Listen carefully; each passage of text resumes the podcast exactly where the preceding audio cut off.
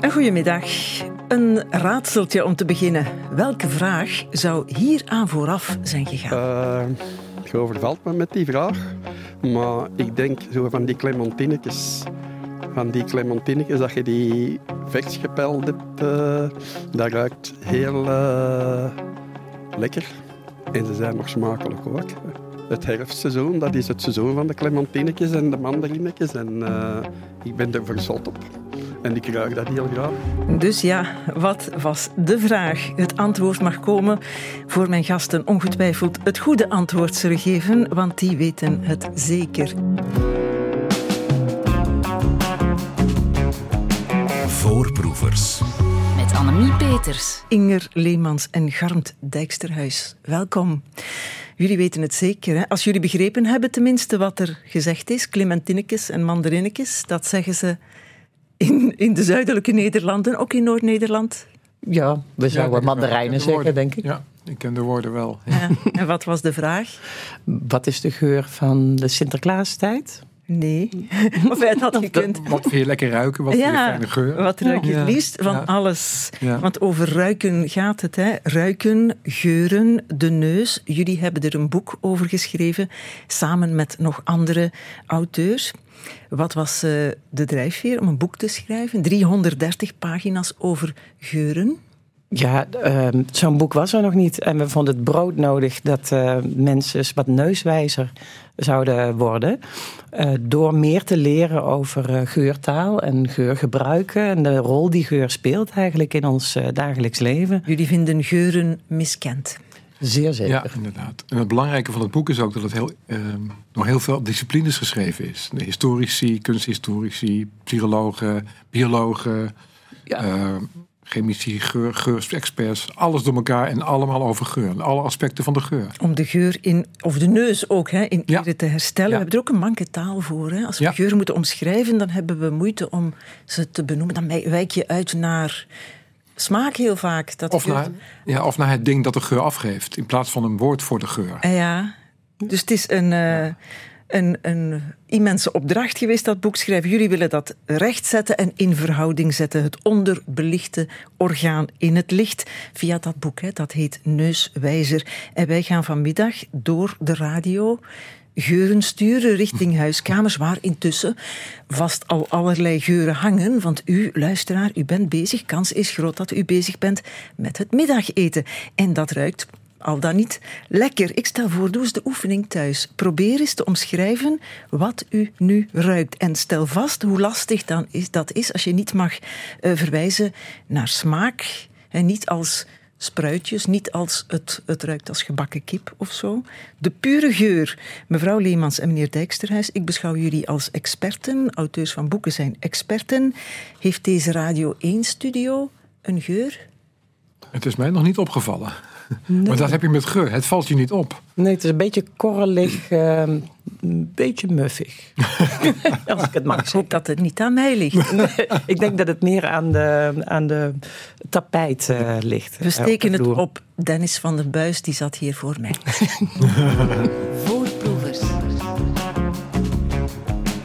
Parfumeurs en sommeliers die mogen zich verheven voelen boven de rest van het volk. Toch het komende uur, want die kunnen het wel. Geuren benoemen met woorden, omschrijvingen waar een ander niet opkomt. Wij zijn mank in het benoemen van de juiste geur van iets of iemand. We blijven steken in vergelijkende woorden, in onmacht, zo'n beetje. Ik zeg we, ik verhef nog twee mensen boven de massa. Dat zijn mijn gasten, Inger Leemans en Garmt Dijksterhuis, want die hebben een boek geschreven over geur. Mevrouw Leemans, je bent hoogleraar cultuurgeschiedenis aan de Universiteit van Amsterdam. Vrije Universiteit. Eh, ja, oké, om volledig te zijn. En projectleider van Europa. Dat is een groot onderzoeksproject naar geur, erfgoed en geschiedenis. En meneer Dijksterhuis, jij bent psycholoog. Ja. Gespecialiseerd in waarneming en je doseert experimentele psychologie, waar ook geuren bij horen, neem ik aan, Klopt. aan de Universiteit van Utrecht. Is die ook vrij? Niet in die zin als de Vrije Universiteit in Amsterdam. Oké, binnenkort ook aan die van Maastricht. Jullie zijn co-auteurs, dat boek. Ja. Uh, Neuswijzer is geschreven door een boel auteurs, zoals je al zei, eh, van alle richtingen en alle uh, expertises. Geuratlas van de Lage Landen is de ondertitel. En Lage Landen, daar hoort Vlaanderen ook bij. Hè. Jullie hebben een poging ondernomen om geuren in Vlaanderen en Nederland in kaart te brengen. Moeilijke opdracht, we zeggen het al, qua taal zijn we mank. Is dat voor Vlamingen ook zo? Of anders dan voor Nederlanders? Nou, waar wij achter kwamen, we zijn denk ik in het algemeen uh, mank uh, als het gaat over het benoemen van geuren. Maar toch, als je, we, hebben er ook niet echt onderzoek naar gedaan. Dus als je dieper gaat duiken en vooral ook de dieper de in, dan blijken er toch nog van allerlei woorden te zijn die mensen gebruiken die veel meer kleur aan uh, ons geurvocabulaire geven. En dat is in Vlaanderen eveneens. Dus daar zijn wij, hebben een enquête inderdaad uitgezet om aan mensen te vragen: herkent u dit woord? Uh, en heeft u ook nog andere woorden om geuren mee te benoemen? En ja, daar kwam eigenlijk toch best nog wel een hele rijkdom aan, aan geurtaal. Maar dan zit je bij de dialecten natuurlijk. Ja, onder andere in de dialecten, ja. En waar scoort Vlaanderen beter in dan Nederlanders bijvoorbeeld? Vlaam, Vlamingen zijn erg goed in het benoemen van dompige, vunzige, muffe, muffe woorden. Stoffig, uh, mottig en ranzig. Maar ze zijn ook uh, geniaal goed in het benoemen van scheten, flatulentie. Oh ja? Ja. Beter dan de Nederlanders. Is, ja. is dat iets om trots op te zijn? Nou ja, ik denk elke, elke vorm uh, waarmee misschien verschillende geurige verschijnsels benoemd kunnen worden, uh, zal altijd uh, helpen in het dagelijks wel, leven. Welke woorden hebben wij nog dan voor scheten? Um, verdoefd, ruft, bratsen, blazen, murren, protten, poerten, protlucht, het muft hier, beerlucht, darmgas, spruitjeslucht. En het mooiste vond ik de uitdrukking: de eerste die het riekt, dat is een holke dat piept. De mensen zijn aan het eten. Met excuses, uh, inderdaad. Maar daar zijn oude woorden bij. Als je teruggaat naar vroeger, hebben we dan, of hebben we ooit een, een rijkere taal gehad? Ja, we hebben ook historisch onderzoek gedaan, onder andere in het Oude Europa-project. En als je dan kijkt naar de 17e en 18e eeuw bijvoorbeeld, dan is dat vocabulaire veel uitgebreider. En dat is ook te begrijpen, want we hadden ook veel meer de neus nodig om te begrijpen, om, om het leven om ons heen in kaart te brengen. Bijvoorbeeld denk aan voedsel. We hebben nu hebben we, uh, koelkasten. Om, uh, en maar vroeger had je de neus nodig om te kunnen bepalen of een bepaald uh, melk ranzig was, ja of nee. In plaats van de houdbaarheidsdatum die we Precies. hebben. Ja. Precies. Het gaat en wel vaak om negatieve beschrijvingen van geuren. Over geuren die niet die, die uh, een risico met zich meedringen. Ja, bijvoorbeeld ja. Hè, de kwaliteit daarvan te ja. bewaken. En is met de vocabulaire de reukzin dan ook afgenomen? In de loop der... Het vermogen om te ruiken? Nee, dat denk ik niet. Want anders is het een kwestie van Darwin. Ja, dat we langzaam maar zeker slechter zouden gaan ruiken omdat we minder uh, expliciet doen. Ja, dat ja, lijkt me meer een vraag voor jou. Hè? Ja, nou bij Darwin dat? gaat het om uh, voortplanting natuurlijk. Dus ja. de relatie van minder goed kunnen ruiken, daarmee zie ik niet zo 1, 2, 3. En ik denk ook dat het reukorgaan zich in de evolutie weinig aantrekt van of er taal voor is. Ja. Um, ik denk, ik denk dat we nog steeds heel goed kunnen ruiken. Het gaat meer over het bewustzijn daarvan ja. en het kunnen zien wat geur met ons ja. doet. Dus ja. het doet heel veel, maar we brengen het niet in kaart omdat we het niet benoemen. En we hebben er geen aandacht voor. Als je veel aandacht voor geur hebt, dan ga je ook meer ruiken. Dat is wel zo. En we hebben er geen aandacht voor omdat we het niet meer zo nodig hebben. En misschien hebben we het minder nodig, maar de, de, het is ook niet vanzelfsprekend om daar iets over, over, over om dat in taal uit te drukken. Ik zeg altijd, de draadjes lopen er gewoon niet in je brein. Ja. Geur is een heel ander uh, zintuigsysteem dan uh, zien of horen. Dat werkt gewoon fundamenteel anders. Je weet pas wat je hebt als je het kwijt bent, zeggen wij in Vlaanderen. In ja. Nederland ook, neem ik aan. Dat is gebleken tijdens corona. Corona was een zegen voor de reukonderzoekers. Omdat... Toen bleek opeens hoe belangrijk geur eigenlijk was, als je het kwijtraakt. Ja, en mensen die het kwijt waren, hun reukzin, die die vonden eten ook niet meer lekker. Nee. Dus nee. zo dicht hangen die dingen samen, ja, ja, zonder zeker. geur, geen ja. smaak. Ja. Ja. Veel mensen in de neuswijzer uh, vragenlijst die, die hebben heel uitgebreid geschreven hoe erg het was om de geur te verliezen, inderdaad. Ja. Ook sociaal, hè? geen binding meer met je kinderen. Je kan he, echt je familie niet meer ruiken. Uh, je weet niet uh, alarmtechnisch of ja. de melk aanbrandt. Uh, je, sta, je, staat op meer afstand tot de wereld eigenlijk. Als ja. het niet mm -hmm. ja. En er gebeurde nog iets anders met sommige mensen met een covid-besmetting. Die kregen ook problemen soms met hun geheugen. Die, dat, dat heb ik toch horen zeggen. Mm. Omdat geuren ook ja. ja, refereren aan herinneringen. Ja, heel gauw ja. Als je iets ruikt, kan je zomaar een herinnering daaraan gekoppeld uh, krijgen. Meestal is het zo dat uh, als je iets ruikt, dat er een emotie gekoppeld is. Die komt dan vanzelf. En met enige moeite kom je dan ook wel achter uh, waar die vandaan komt. Ja. De herinnering, het zogenaamde proesteffect. Ja, we hebben ja. ook ooit zo'n bevragingje gedaan op straat naar geuren. Uh, Eva Brijs was toen de ondervrager. En de vraag bij het volgende stukje was: welke geuren roepen fijne dingen bij u op? Um, ja, stoofvlees, want dat hebben we vroeger altijd met, met feesten en zo gegeten. Dus dat is ook altijd wel uh, dat is aangenaam. En rijstpap. Als het rijstpap was, was het een speciale dag. Dus, dus uh, rijstpap, ik dacht, dan word ik er helemaal gelukkig van. Wat ik altijd wel een fijne geur vind, is de geur van juist opgestoken sigaret. Ja, niet, niet omdat ik zelf rook of zo, helemaal niet, maar de, als een sigaret juist wordt opgestoken, dat doet me altijd denken aan vroeger. Van mijn tante dat altijd ons meenam in een jeeptochtje. En dan stak die altijd een sigaret op met de raam open. En zie je geur, zo die eerste, eerste geur van een sigaret, ja, dat doet me altijd daaraan denken. Dat vind ik wel een hele fijne geur. Dat was altijd tijdens familiefeesten. Dan, uh, dan werden wij even meegevraagd om in een jeep, want dan ging mijn tante eigenlijk stiekem roken om de bom, omdat de bommen dat niet mocht weten. En dan rijden we altijd keihard door de bossen, door de, door de en dan werden wij doorheen geschud. Geweldig, hè? Mooi dat fragment. antwoorden. Ja, heel mooi. Ja, want als je er genoeg van hebt, dan kun je een soort van rangorde maken ook, hè, van geuren die mensen belangrijk vinden. In de app zegt iemand, uh, wij zijn hier ook woorden aan het zoeken voor dus de studio zal het niet zijn, maar die ruikt ook zo muf en duf. Mm. En wat is het verschil? Vragen Bruno en Wart. Ja, dat is een goede vraag. Ik heb uh, dus onder andere in de historische taal iets van dertig verschillende woorden voor muf, heumig, huim, duf en vuns gevonden.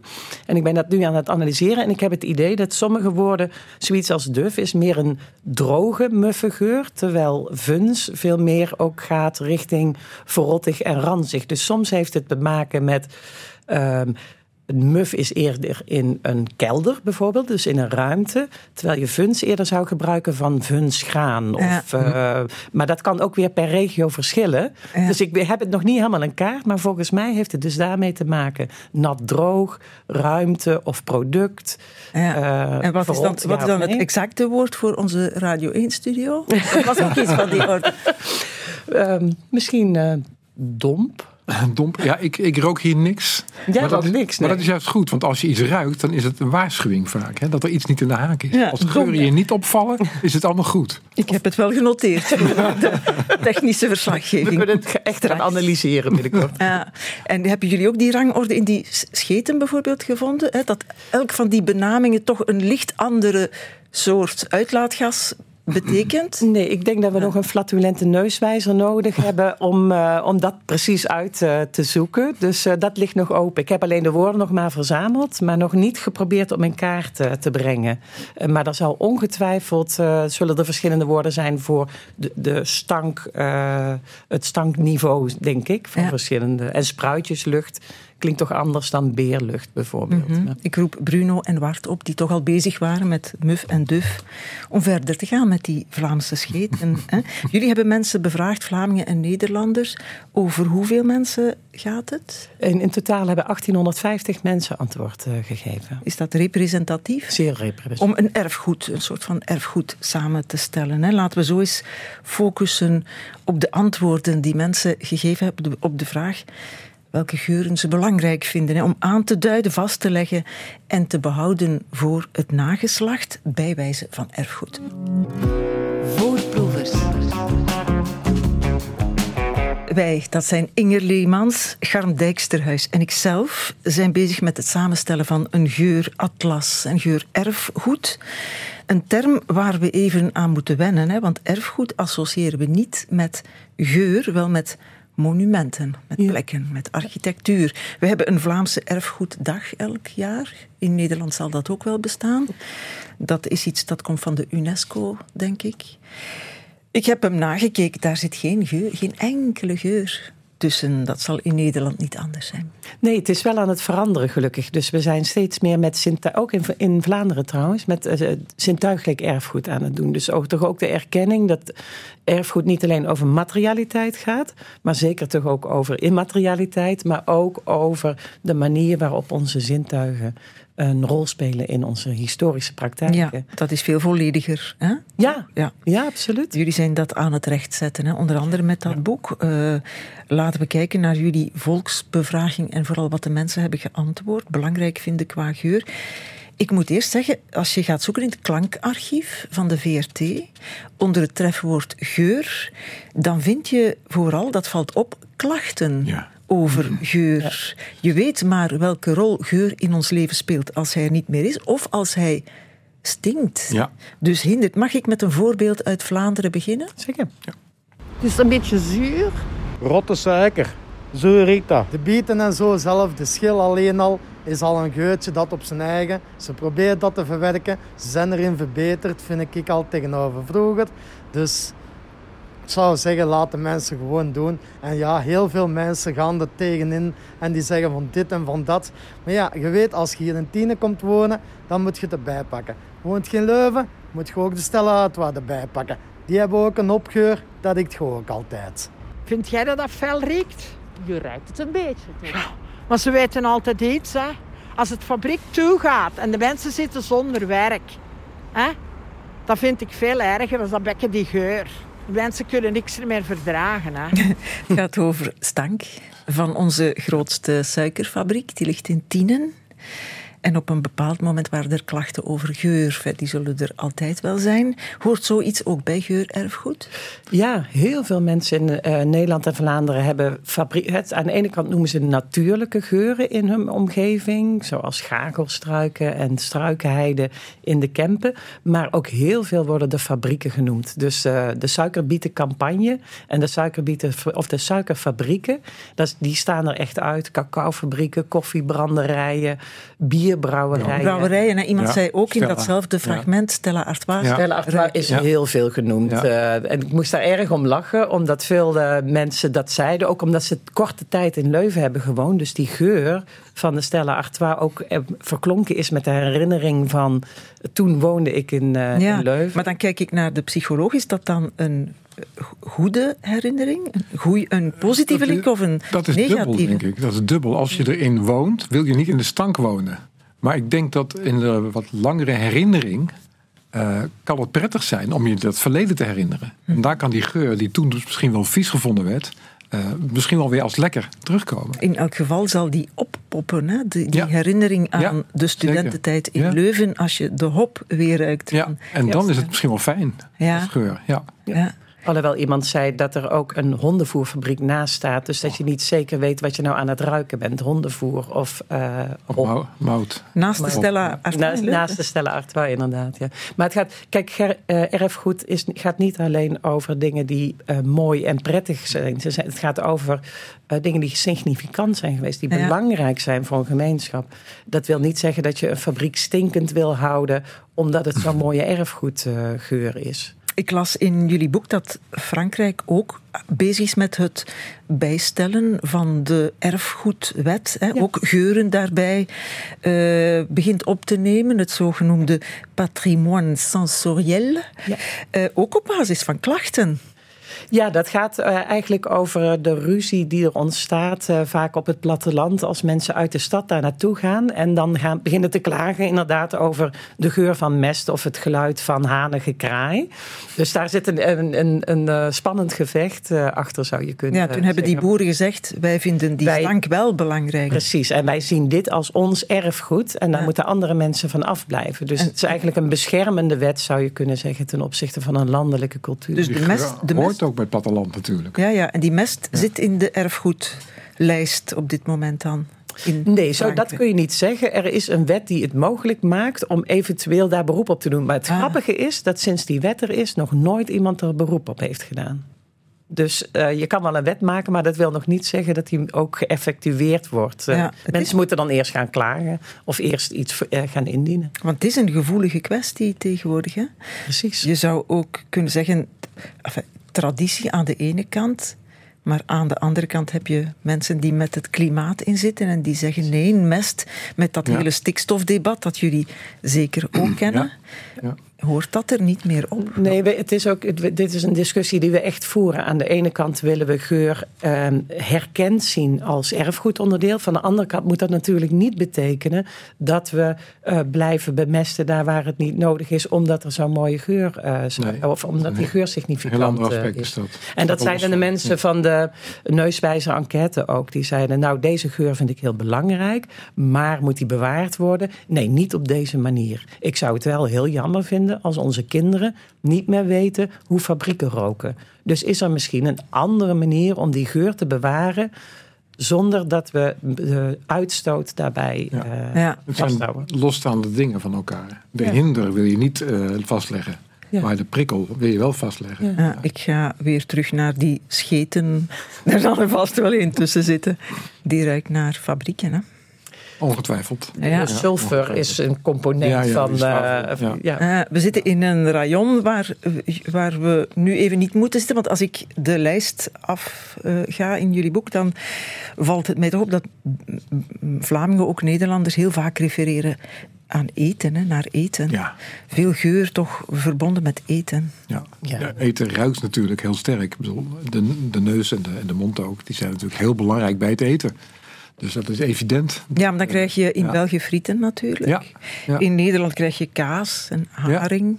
Ja. En wat hebben jullie nog? Poffertjes, spruitjes Ja. ook. Hè? Dat is ook zo Ja. Nederlands. En ook heel erg geuren met eten die aan een moment zijn gehangen. Hè? Het moment van de dag, 's ochtends vroeg koffie. Ja. Of eh, nou ja, met een seizoen, de Sinterklaasgeur. Ja. Of de, Ja, speculaas. Maar, maar wanneer wordt een cultureel gebruik ehm, immaterieel erfgoed? Want je kan zeggen, ja, de geur van koffie is voor veel mensen erg belangrijk, maar is dat daarom iets voor in het museum?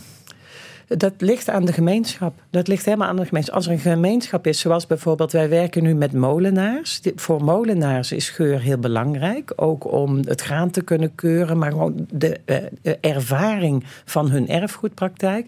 Dan ligt het aan de molenaars om te zeggen: we willen die geur meenemen in de erkenning van onze erfgoedpraktijk. Dus het moet uit de gemeenschap zelf komen. Maar dan moet het is je- niet dan- iets wat een overheid zou moeten zeggen. Nee, of, maar dan eh, moet je genoeg vertegenwoordigers van die gemeenschap hebben. Precies. Ja, En ze en moeten dat, er niet al te veel last van hebben. Want als je last hebt, dan, wil je, dan, dan is je eerste, je eerste reflex is, ik moet van die stank af. Ja. En die zal niet zijn, ik wil hem bewaren. Nee, maar dus met de eh, eh, kenniscentra voor immaterieel erfgoed hebben we nu ook vragenlijsten uitgezet onder die gemeenschap om te vragen de mensen die de kermissen organiseren, hoe belangrijk is geur daarvan? De suikerspin. De suikers bijvoorbeeld. de Ja, dat is Ja. ook geen geur op zich, hè, suikerspin. Nou, er zit wel een, eh, geur als een zoetige, vanilleachtige... Ja, zoet is wel de geur. Vanille Ja. is ook de geur, maar suikerspin is geen geur, hè? Nou, het is natuurlijk voor het grootste deel suiker, maar er wordt volgens mij wel wat geurstof toegevoegd. Mhm. Fruitige vanille of zo. Zit de geur van bami en nasi erin? Komend uit de Surinaamse keuken, dus een wezenlijk onderdeel toch van de Nederlandse maatschappij. Ja. Ja. Zeker, ja hoor. De geur van de toko zit er bijvoorbeeld Oh ja. ook in. Een van onze onderzoekers heeft een reconstructie gemaakt van de geur van de toko. Dus een eh, supermarkt waarin Aziatische producten worden eh, verkocht. Die heel kenmerkende geur Ah, ja. heel divers, heel mooi. Want je kan niet uitsluitend te werk gaan, hè? Uitsluitend bedoel nee, ik. nee, nee, Hè, Dat je mensen van een eh, andere eh, afkomst uitsluit, maar ook bijvoorbeeld jonge mensen niet uitsluit. Want als Nederlanders spruiten en stamppot noemen, jonge mensen eten dat toch zoveel niet meer. Nee. Nee, dat is veranderd. Ja. Ja. En daarmee zal de hele geurbeleving, de hele geurwereld veranderen. Nou, dat is ook het leuke van bijvoorbeeld zo'n geur als wierook. Die is voor bepaalde erfgoedgemeenschappen, religieuze gemeenschappen, heel belangrijk als een hè, relatie tot het hogere. Voor jongeren is de geur van wierook iets wat in een puberkamer Ja. eh, wordt beleefd en heeft een hele andere eh, praktijk, al hele andere ja, belang. Ja, eh, en als wat, moet, als wat moet wierook dan op die erfgoedlijst? Als, Dat ligt er als- dus aan of de jongeren hem willen bewaren of de religieuze gemeenschap. En dan ligt het er weer aan welke religieuze gemeenschap. Ja. Want dat is voor de katholieken weer heel anders dan voor eh, bijvoorbeeld een islamitische gemeenschap. En, over gemeenschappen gesproken, wat wij associëren met thuis, met echt Vlaams of echt Nederlands, met gezellig en zo, hè, komt vaak niet van hier. Hè. Is exotischer dan we beseffen, heb ik ook in, uit het boek geleerd. Kaneel Ja. in de speculaas, nu met Sinterklaas. Ja. Komt van Spanje natuurlijk met Sinterklaas, maar nee, we denken dat is ah, oer-Hollands en oer-Vlaams. Ja. Appel- Appeltaart, daar doen we kaneel in, appelmoes. Ja. Het zijn zoete geuren, maar ze hebben nogal een gewelddadig verleden natuurlijk. Hè? ja. Ze zijn onderdeel van Ja. ons koloniale verleden. Ja, ja. En daar zijn veel mensen voor gestorven en, of eh, tot slaaf gemaakt om die geuren in Ja. onze keukens eh, te krijgen. Dus dat is ook een stukje, we hebben een hoofdstuk over speculeren over speculaas, waarin we dat proberen uit te pakken. Ja. En doen de mensen eh, in de kolonies hè, waar het vandaan komt daar ook zo nostalgisch over? Of is de bevraging daar gestopt aan die grenzen? We hebben geprobeerd om dat uit te zetten, maar dat moeten we echt nog verder eh, eh, doorgaan zetten. Dus, we zijn dat nu aan het kijken hoe we bijvoorbeeld met de Indonesische eh, gemeenschap verder kunnen Dus twijfelachtige erfgoed wat dat betreft. Ja, Ja. ja. Ja. En nepgeuren horen die erbij? Spuitbussen in toiletten bijvoorbeeld en van die Oh, vieze Ja, geurkaarsen? ja, maar dat is, ja, maar er is een, ik de, de geurindustrie is een miljardenindustrie hè, om, om al die stoffen te maken. Al- Ja, maar horen ze erbij of niet? Is dat Ik erfgoed? denk het wel. Ik denk het wel. Want vroeger, Hendrik, me was een spuitbus tegen vieze geurtjes. Dat was alle dennengeur. Ja. Dennengeur zie je niet zo vaak meer, geloof ik. Het is nu allemaal iets anders geworden. Dus die dennengeur is eigenlijk wel een beetje een klassieke geur geworden. En waarom zou je die niet willen bewaren? Ja, Ja. omdat die ook nog voor iets anders staat natuurlijk, voor echte dennen. Ja, klopt. Ja, ja, ja, ja. Maar stinkende wasverzachters, die staan niet voor iets ander- iets anders. Hè? Dus mensen klagen er heel veel over in de Ik kan het mij voorstellen. Ja. Geur, terreur. Ja, geurterreur, inderdaad. Ja. Ja. Je kan niet in een taxi stappen of je ruikt vanille. ja. Ja. Of dennenbomen. Of dennenbomen. Ja. muur, muur, Ja, zeggen ja, mensen. ja, dat klopt. Dus ja, geur terreur kan ook. Hè. Het hoeft niet lekker te ruiken Nee. om erfgoed te zijn. Maar, een nieuwe maar, wat als het slecht is voor de gezondheid? Luister even mee. Ik wil straks eventueel vertalen, want dit speelt zich af in het diepe Vlaanderen in Wustwezel, Noord-België. Eh, Daar wonen veel boeren met grote bedrijven. Daar heb je dus stank. En die heeft grote gevolgen. Dit fragment komt van Radio 2. Hier, wij wonen in het epicentrum. Als je zegt, ja, de wind komt vandoor, ja, dat is recht van de verkens of van dat kierkot, het stinkt. Hè. Maar nu stinkt het voor de moment eigenlijk niet, en niet zo, omdat het juist eh, in een pijp komt het juist toevallig in een megastal staat. Maar anders is door, door, door, door, door, door, door. Eigenlijk heb je, Ja.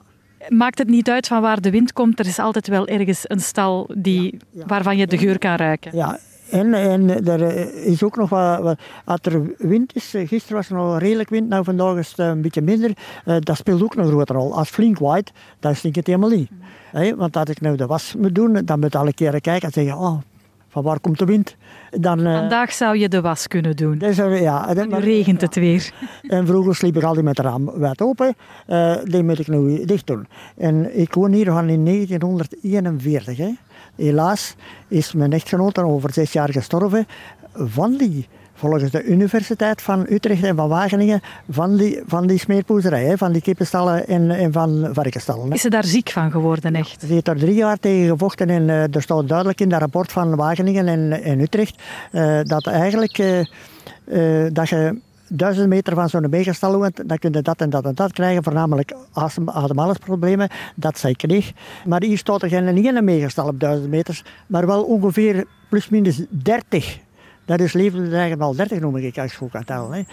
Hebben jullie het begrepen? Ja, Ja, dat gaat wel. Universiteit van Utrecht. De Vrije Universiteit van... Nee, Nee. ik- maar, dat is de uwe, meneer. Ja, ja, ja. Dijksterhuis. Ja, ja, Wageningen heb ik ook gewerkt overigens. Ja, Klopt dat, ook wat, genoemd. klopt dat wat die man zegt? Eh, ja, je moet twee dingen scheiden. Ehm, het is dan niet noodzakelijkwijs de geur waar je ziek van wordt, maar andere stoffen die misschien ook uit die stallen komen.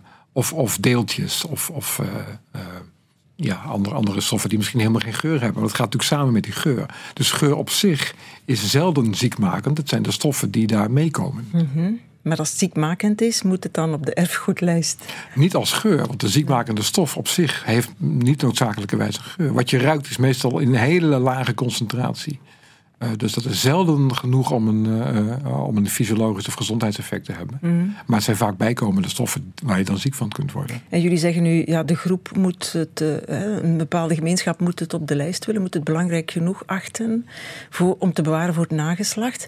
Wat met particuliere geuren, die we ook allemaal erg belangrijk vinden. Hè? De geur van onze kinderen. Ja. Mm. Ja. Kan zoiets op een erfgoedlijst? Want elk kind heeft een andere ja, geur voor elke ouder, denk ik. Dat zal denk ik niet lukken. Maar het feit dat geur belangrijk is, dat mag wel onder de aandacht gebracht worden. Ja. ja. En geur is ook niet zomaar een geur vaak. Hè? het is een mengeling. Het is een mengeling van heel veel uh, moleculen. Als je een kop koffie neemt, er zitten wel 800 uh, verschillende stoffen in. Die tezamen het aroma van koffie maken. Maar dat is dan nog koffie. Maar ja. beschrijf eens de geur van een festival. Oh ja, ja, dat is per locatie en per tijd ook nog een keer verschillend. Oh, ja. Die had ik mee moeten nemen. Frank Bloem heeft voor ons een uh, reconstructie gemaakt van de Lowlands Festival. Oh ja, de geur. ja, ja. ja omdat dat, omdat dat veel werd genoemd, inderdaad, de geur van het festival. Ja, maar wat ruik je dan? Bier waarschijnlijk? Bier, gras. Uh, ja, het is een interpretatie natuurlijk. Ja. Hè. Je mm -hmm. kan niet één op één een geur van zo'n uh, geurplaats uh, kopiëren. Dat gaat niet. Het is altijd een interpretatie. Dan zou je de lucht van die plek zou je moeten opzuigen en ergens anders weer uitspuiten, zodat het daar ruikt. Ja. al die geuren bij elkaar genomen, hè. je lijst die op, je noteert wat belangrijk wordt geacht door mensen, dan moet je ze ook beschermen. Hè? Dat, beschermen is bewaren.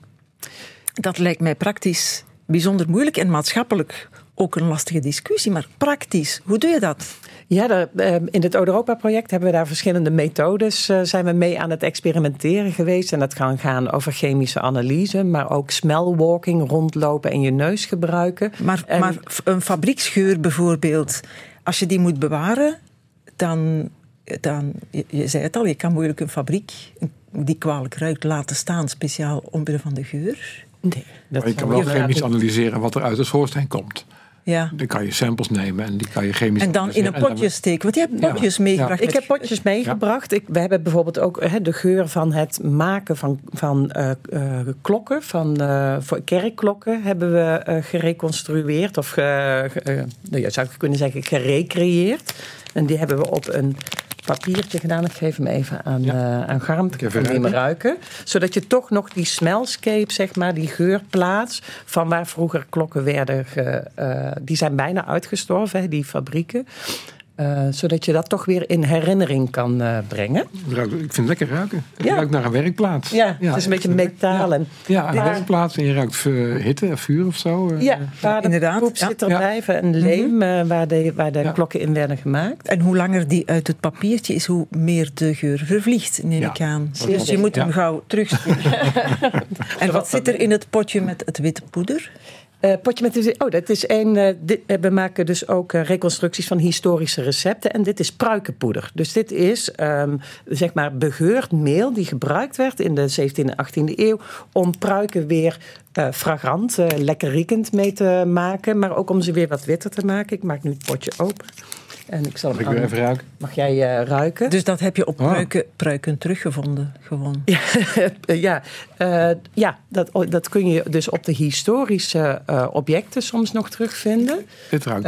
Um, maar dit is dus ja. uit de, een 17e eeuws boek, De Hedendaagse Reukwerker, een recept voor pruikenpoeder. En mensen hadden een individuele interpretatie daarvan. dus zodat je dus Garmt zou anders hebben geroken. Zijn pruikenpoeder was misschien op oranjebloesem gebaseerd. en die van mij misschien op uh, roosjes, zoals dit pruikenpoeder. Dit illustreert mooi iets wat geuren doen. Want ik ruik dit, ik had het nog niet eerder geroken. Mm -hmm. En ik heb meteen het gevoel, ik ken die geur. Ja. Ik kan het niet benoemen.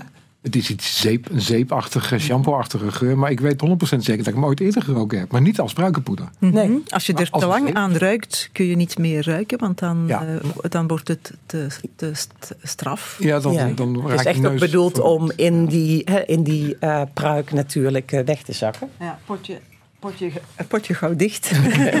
ik zal hem weer doen. Maar we hebben nu gezegd, dit is pruikenpoeder. Maar we hebben daar nog altijd geen woord op geplakt. Wat is nu de geur van pruikenpoeder? Want mensen thuis Ja. blijven wel op hun honger zitten. Ja, nee, inderdaad. De geur van pruikenpoeder is het beste te omschrijven als de geur van pruikenpoeder. Ja, ja. Maar, ja, nou ben ik het niet mee eens. Ik noem het zeeperig, shampoo-achtig, maar... eh, Ja, kijk, eh, je, eh, je kan hem benoemen door naar de geur, te, eh, naar de bron te verwijzen. Je kan ook zeggen hij is scherp. Je kan iets zeggen over de emoties die het bij je oproept. Je kan zeggen of die lekker is of dus hedonische uitspraak doen. En veel mensen gebruiken ook woorden die gaan over wat doet het in de neus. Ja, zoals ik zei, hè, het, eh, het, het eh, ja, beneemt je adem. Precies. Ja, nou, dat ja, is dus al een hele goede omschrijving. Ja, Want zet, zo- zet maar in het boek, hè. Noteer Ja.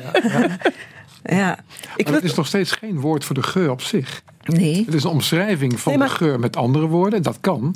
Ja, maar, dat, maar, maar zo benoemen mensen geuren. Ja, dat klopt. Dat is zien we in, eh, in, die, Ja. in die vocabulaires. Mensen gebruiken vier Ja. woorden, vier descriptoren, Ja. om Ja. één geur Ja, te klopt. benoemen. Maar je zou zo toch bij toch één precies. moeten uitkomen als je een geurlexicon wilt. Nee, dat hoeft niet. Waarom? Nou, die kijk, bij kleuren is het zo. Als je rood ziet, dan, Dan zeg je rood. Dan zeg je rood. Maar bij geuren eh, is het zo. Als we dat zouden vergelijken met kleuren, zou je voor rood moeten zeggen eh, als de kleur van een brandweerauto.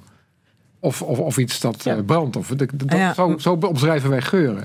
Eh, Maar niet elke brandweerauto is rood, hè? In in Nederland wel. Ja, maar dan ben je erg beperkt aan het Ja, klopt. ja. nadenken Maar dat illustreert dus hoe, hoe moeilijk het is om geuren te omschrijven. Mhm. En je kan inderdaad, wat, wat Ingrid zegt, op die manier omschrijven. Mhm. Maar een specifiek één woord voor de geur, zoals bij kleur of bij geluid, dat is het niet. En hoe interessant toch ook, hè? En hoe, ik wil nog even terug naar eh, dat niet ruiken. Hè? Daar werd Ja. dan eh, in coronatijden een woord voor verzonnen. Misschien bestond dat ook. Ano- Anosmie. Ja, dat bestond al. Ja. Ah, dat, ja. Ja. dat is wel vaker voorgekomen ook. Ehm Garm Dijksteras, jij doet daar onderzoek naar, hè, naar niet kunnen ruiken. En dat is nog niet zo'n makkelijke, omdat eh, niet iedereen daarmee naar de dokter gaat. Dat is precies eh, wat mij al jarenlang intrigeert. Er zijn mensen die niet kunnen ruiken, die dus anosmisch zijn. En die hebben daar last van. Die voelen zich gehandicapt en beperkt. Dus die gaan naar de dokter ermee. En die worden lid van, eh, van een vereniging. Eh, de, in Nederland heb je de reuksmaakstoornis.nl vereniging daarvoor. Maar er zijn ook mensen die niet kunnen ruiken en die daar helemaal niet mee zitten. Die denken, ja oké, ik kan niet ruiken, maar prima, niks aan de hand. En die mensen, eh, ja, die interesseren mij. Waarom eh, heeft nou de ene die niet kan ruiken, de ene persoon voelt zich patiënt en de andere persoon met dus precies dezelfde klacht, namelijk niet kunnen ruiken, heeft daar helemaal geen moeite mee. Ja, maar die kun je dan- niet vinden En natuurlijk. die want kan je niet vinden, want die, melden melden zich niet bij de arts, die melden zich niet bij de vereniging. En daar ben ik naar op zoek.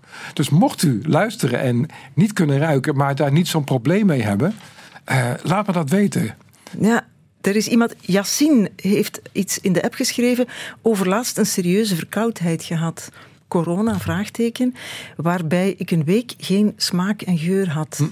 Toen kwam het besef, wat als het huis brandt? Ja. Heeft me aan het denken gezet om extra detectoren te hangen. Ja, maar misschien is hij niet naar de dokter gelopen, Ja, Yassine. ja, ja, dus dan kan die zich melden bij jou, want dan is die een perfect onderzoeksobject voor jouw Ja. onderzoek. Tenzij die eh, slechts een paar weken niet rook. Ah, Want dat, anosmie, eh, waar ik het nu over heb, dat gaat echt over mensen die dus helemaal niet meer kunnen ruiken. Of op hele lange tijd al niet meer ruiken kunnen. En waar valt er te melden? Waar Bijvoorbeeld, mijn, mijn e-mailadres kan ik noemen. Ja. Mensen die eh, mee willen doen, die kunnen een mailtje sturen naar Garmtdijk aan elkaar vast. Dat is mijn voornaam en een deel van mijn achternaam. Garmtdijk.hotmail.com. Garmt geschreven C-H-A-R-M. Het is een zeer ongebruikelijke naam. G-A-R-M-T, ja. Of gewoon in onze app. Niet Ja. waar? Ja hoor, Mhm. ja, ja. Want dat gaat als over geurverlies als medische aandoening. ja. Eh, is het ook iets dat mensen overkomt bij ouder worden? Karel van het Reven schreef daar ooit mooi over. Als je ouder wordt, sterf je bij stukjes en beetjes. Zo ruik ik haast niks meer, behalve poep en het bakken van spek. Mooie vergelijking. Ja, ja. Prachtig. Maar is het iets wat gebeurt als je Ja, ouder zeker. wordt? ja, wordt wel wat minder, wordt wel minder, ja. ja, ja. Ja, Dus bij mannen en bij vrouwen ook weer verschillend, toch? Hoe snel het eh, terugneemt. Ja, het is een heel moeilijk verhaal. eh, want eh, op een of andere manier wen je er ook langzaam aan dat je Ja. minder ruikt. En wat we hebben in de neus, dat zijn eh, zo'n kleine 400 eh, receptoren die reuk voor je kunnen doen. Vergelijk dat eens met kleuren zien in je ogen, dat zijn er drie. Drie receptoren. Maar in je neus heb je 350 tot 400 verschillende. Dus het is een heel moeilijk verhaal. Als daar een aantal receptoren van uitvallen, nou laten er 100 uitvallen, dan hadden er 250 over. Mhm. Dus, eh, Maar je kan, ja, bijvoorbeeld bij zwangerschap, een van onze, Daarvan. de, de hoofdauteur van het boek, eh, Karo Verbeek, eh, die kon eh, eigenlijk eh, niet meer goed ruiken tijdens haar zwangerschap. En zij is geuronderzoeker. Maar Dus goed, dan het, eh, weet je dat het overgaat. Hè? Ja. Zwangerschap duurt zijn tijd en dan Ja. is het weg. Hè? Eh, er zijn zo over verhalen gesproken. We hebben niet heel veel tijd meer, maar ik wil er toch een paar aanhalen. Er zijn veel verhalen over ruiken, waarvan ik niet weet of ze waar zijn. Bijvoorbeeld dat je angst kunt ruiken. een klopt. psycholoog Ja. als jij moet dat weten. Ja, dat klopt. Eh, dat is dan niet iets dat je bewust waarneemt. Dat je denkt van, ik ruik angst. Maar eh, het onderzoek eh, gedaan door Monique Smeets en anderen. de geurstof die mensen die angstig zijn afgeven. Als je die aanbiedt aan andere mensen. Blijken die andere mensen ook een beetje angstig te worden. Zonder dat ze dat weten dat ze dat zo'n geurstof eh, geroken hebben. Ja, Dus je kan eh, chemisch communiceren noemen we dat. Ja. Je kan communiceren via geurstoffen. gruwelijk interessant, hè? Ja, zeker. Ja. En het, eh, de, het verhaal dat ehm, vrouwen die samenwonen eh, t- via de geur, lichaamsgeur, op een bepaald moment in dat samenwonen gelijktijdig gaan menstrueren.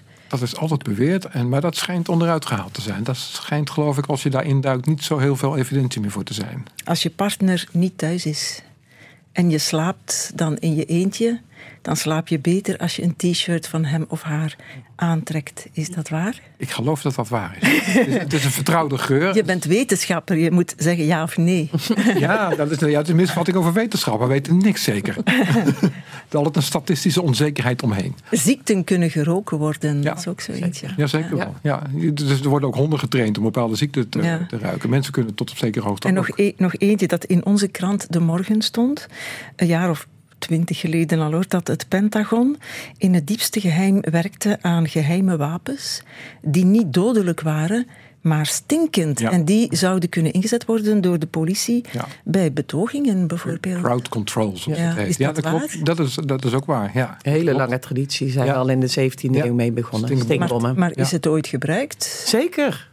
Door de politie? die van Ja, de in het Pentagon. verleden wel, denk ik. Hè? In, in het verleden zeer zeker, Ja, ja. maar ik weet niet of eh, het nu ingezet wordt. Dat, ik twijfel of dat nu gebeurt. Ik zal het vragen aan de betogers van de klimaatbetoging morgen in Brussel. Die kunnen dan Ja. achteraf ook maar in de app, hè, de app gaat Ja, weten- laten weten of er stinkbommen zijn gebruikt. Zo zijn we begonnen aan, vooral jullie, aan een avontuur zonder einde, aan het oplijsten van geuren en geurtaal en geurerfgoed. Er is trouwens ook een biologische verklaring, las ik in het boek, voor eh, het feit dat we gebrek aan taal hebben om geuren te omschrijven. Dat heeft met hersencentra te maken. Ik zeg altijd, de draadjes lopen er niet. Er lopen, eh, de reuk werkt zo anders dan andere zintuigen... dat de verbinding van eh, reukbeleving naar een taalgebied... die is gewoon slecht. Je gaat eerst via je emotie en je herinneringssysteem. Ja, ja, dat en dan pas kom je Ja. bij je cognitieve brein Ja. terecht. En kun Dus je, het loopt dat, een andere kun je dat oefenen? Ehm, Kun je daar beter in worden? Ja, daar kun je Ja. beter in worden. Eh, eh, ja, meer taal gebruiken en proberen preciezer te zijn in het eh, bewust benoemen van eh, je geuromgeving. En dan word je er beter Neem in. Parfumeurs of chefs, Ja, die kunnen precies. heel goed praten over geur. Die hebben wel allemaal hun eigen talen voor ontwikkeld. Want je moet een parfumeur en een chef, die begrijpen elkaar niet. Maar parfumeurs onder, onderling weer wel. ja, ik ben er nu ook beter in geworden de afgelopen Ja. jaren. Er staan ook tips in het boek. Hè? Verrijk je wereld met geur. Op den duur zul je merken dat je al fietsend door de stad Ja. van alles begint te ruiken. De lindenbomen en dat ze bloeien, dat de haringman zijn visjes schoonmaakt, dat is dan in Amsterdam. Dingen die je eerst onbewust waarnam, zijn verplaatst naar een actief deel van Ja. je hersenen. Ja. Dat menen jullie, hè? dat gebeurt zo. Ja. En langzaam begin je over geuren te praten. Ja. En misschien Ja, zelfs je eigen woorden te verzinnen. Mensen moeten zeker. neu- Ja. nieuwsgieriger worden. Ja, ja, Ja. ja. Meer aandacht voor de reuk is in alle opzichten goed. Ja. De geuratlas van de Lage Landen. Dus hè, dat boek is een goede beginner om nieuwsgieriger te Ja, worden. zeker. Van Inger Leemans en Karo Verbeek is ook een van de hoofdauteurs. Hè? Maar met ook hoofdstukken van Garmt Dijksterhuis en een tiental andere mensen die allemaal ja. een specifieke bijdrage hebben geleverd, is nu te koop. Het lijkt me een leuk cadeau onder een geurige kerstboom. Met sterren van speculaas, met kruiden daarin, die we dus associëren met Vlaanderen en Nederland. En die daar eigenlijk niks mee te maken hebben. allemaal geleerd vandaag. Ja, ja. Of hadden in de beginnen. Hè. En honderden van die weetjes staan dus in dat boek uitgegeven door Boom, zeg ik dat goed? Uitgeverij Boom, in Nederland bekender dan in Vlaanderen, eh, denk ik. Eh, Inger Leemans, Garmt Dijksterhuis, dank jullie wel voor jullie komst. Dank je wel. Het was heel leuk om te doen. Helemaal uit het zilte, zoete, frisse, soms ook wat bedompte en muffe Nederland. Is waar, hè? Ja. Een heel fijne dag gewenst, mooi weekend met de geur van verse sneeuw. Maar dat is voor morgen. Voorproevers.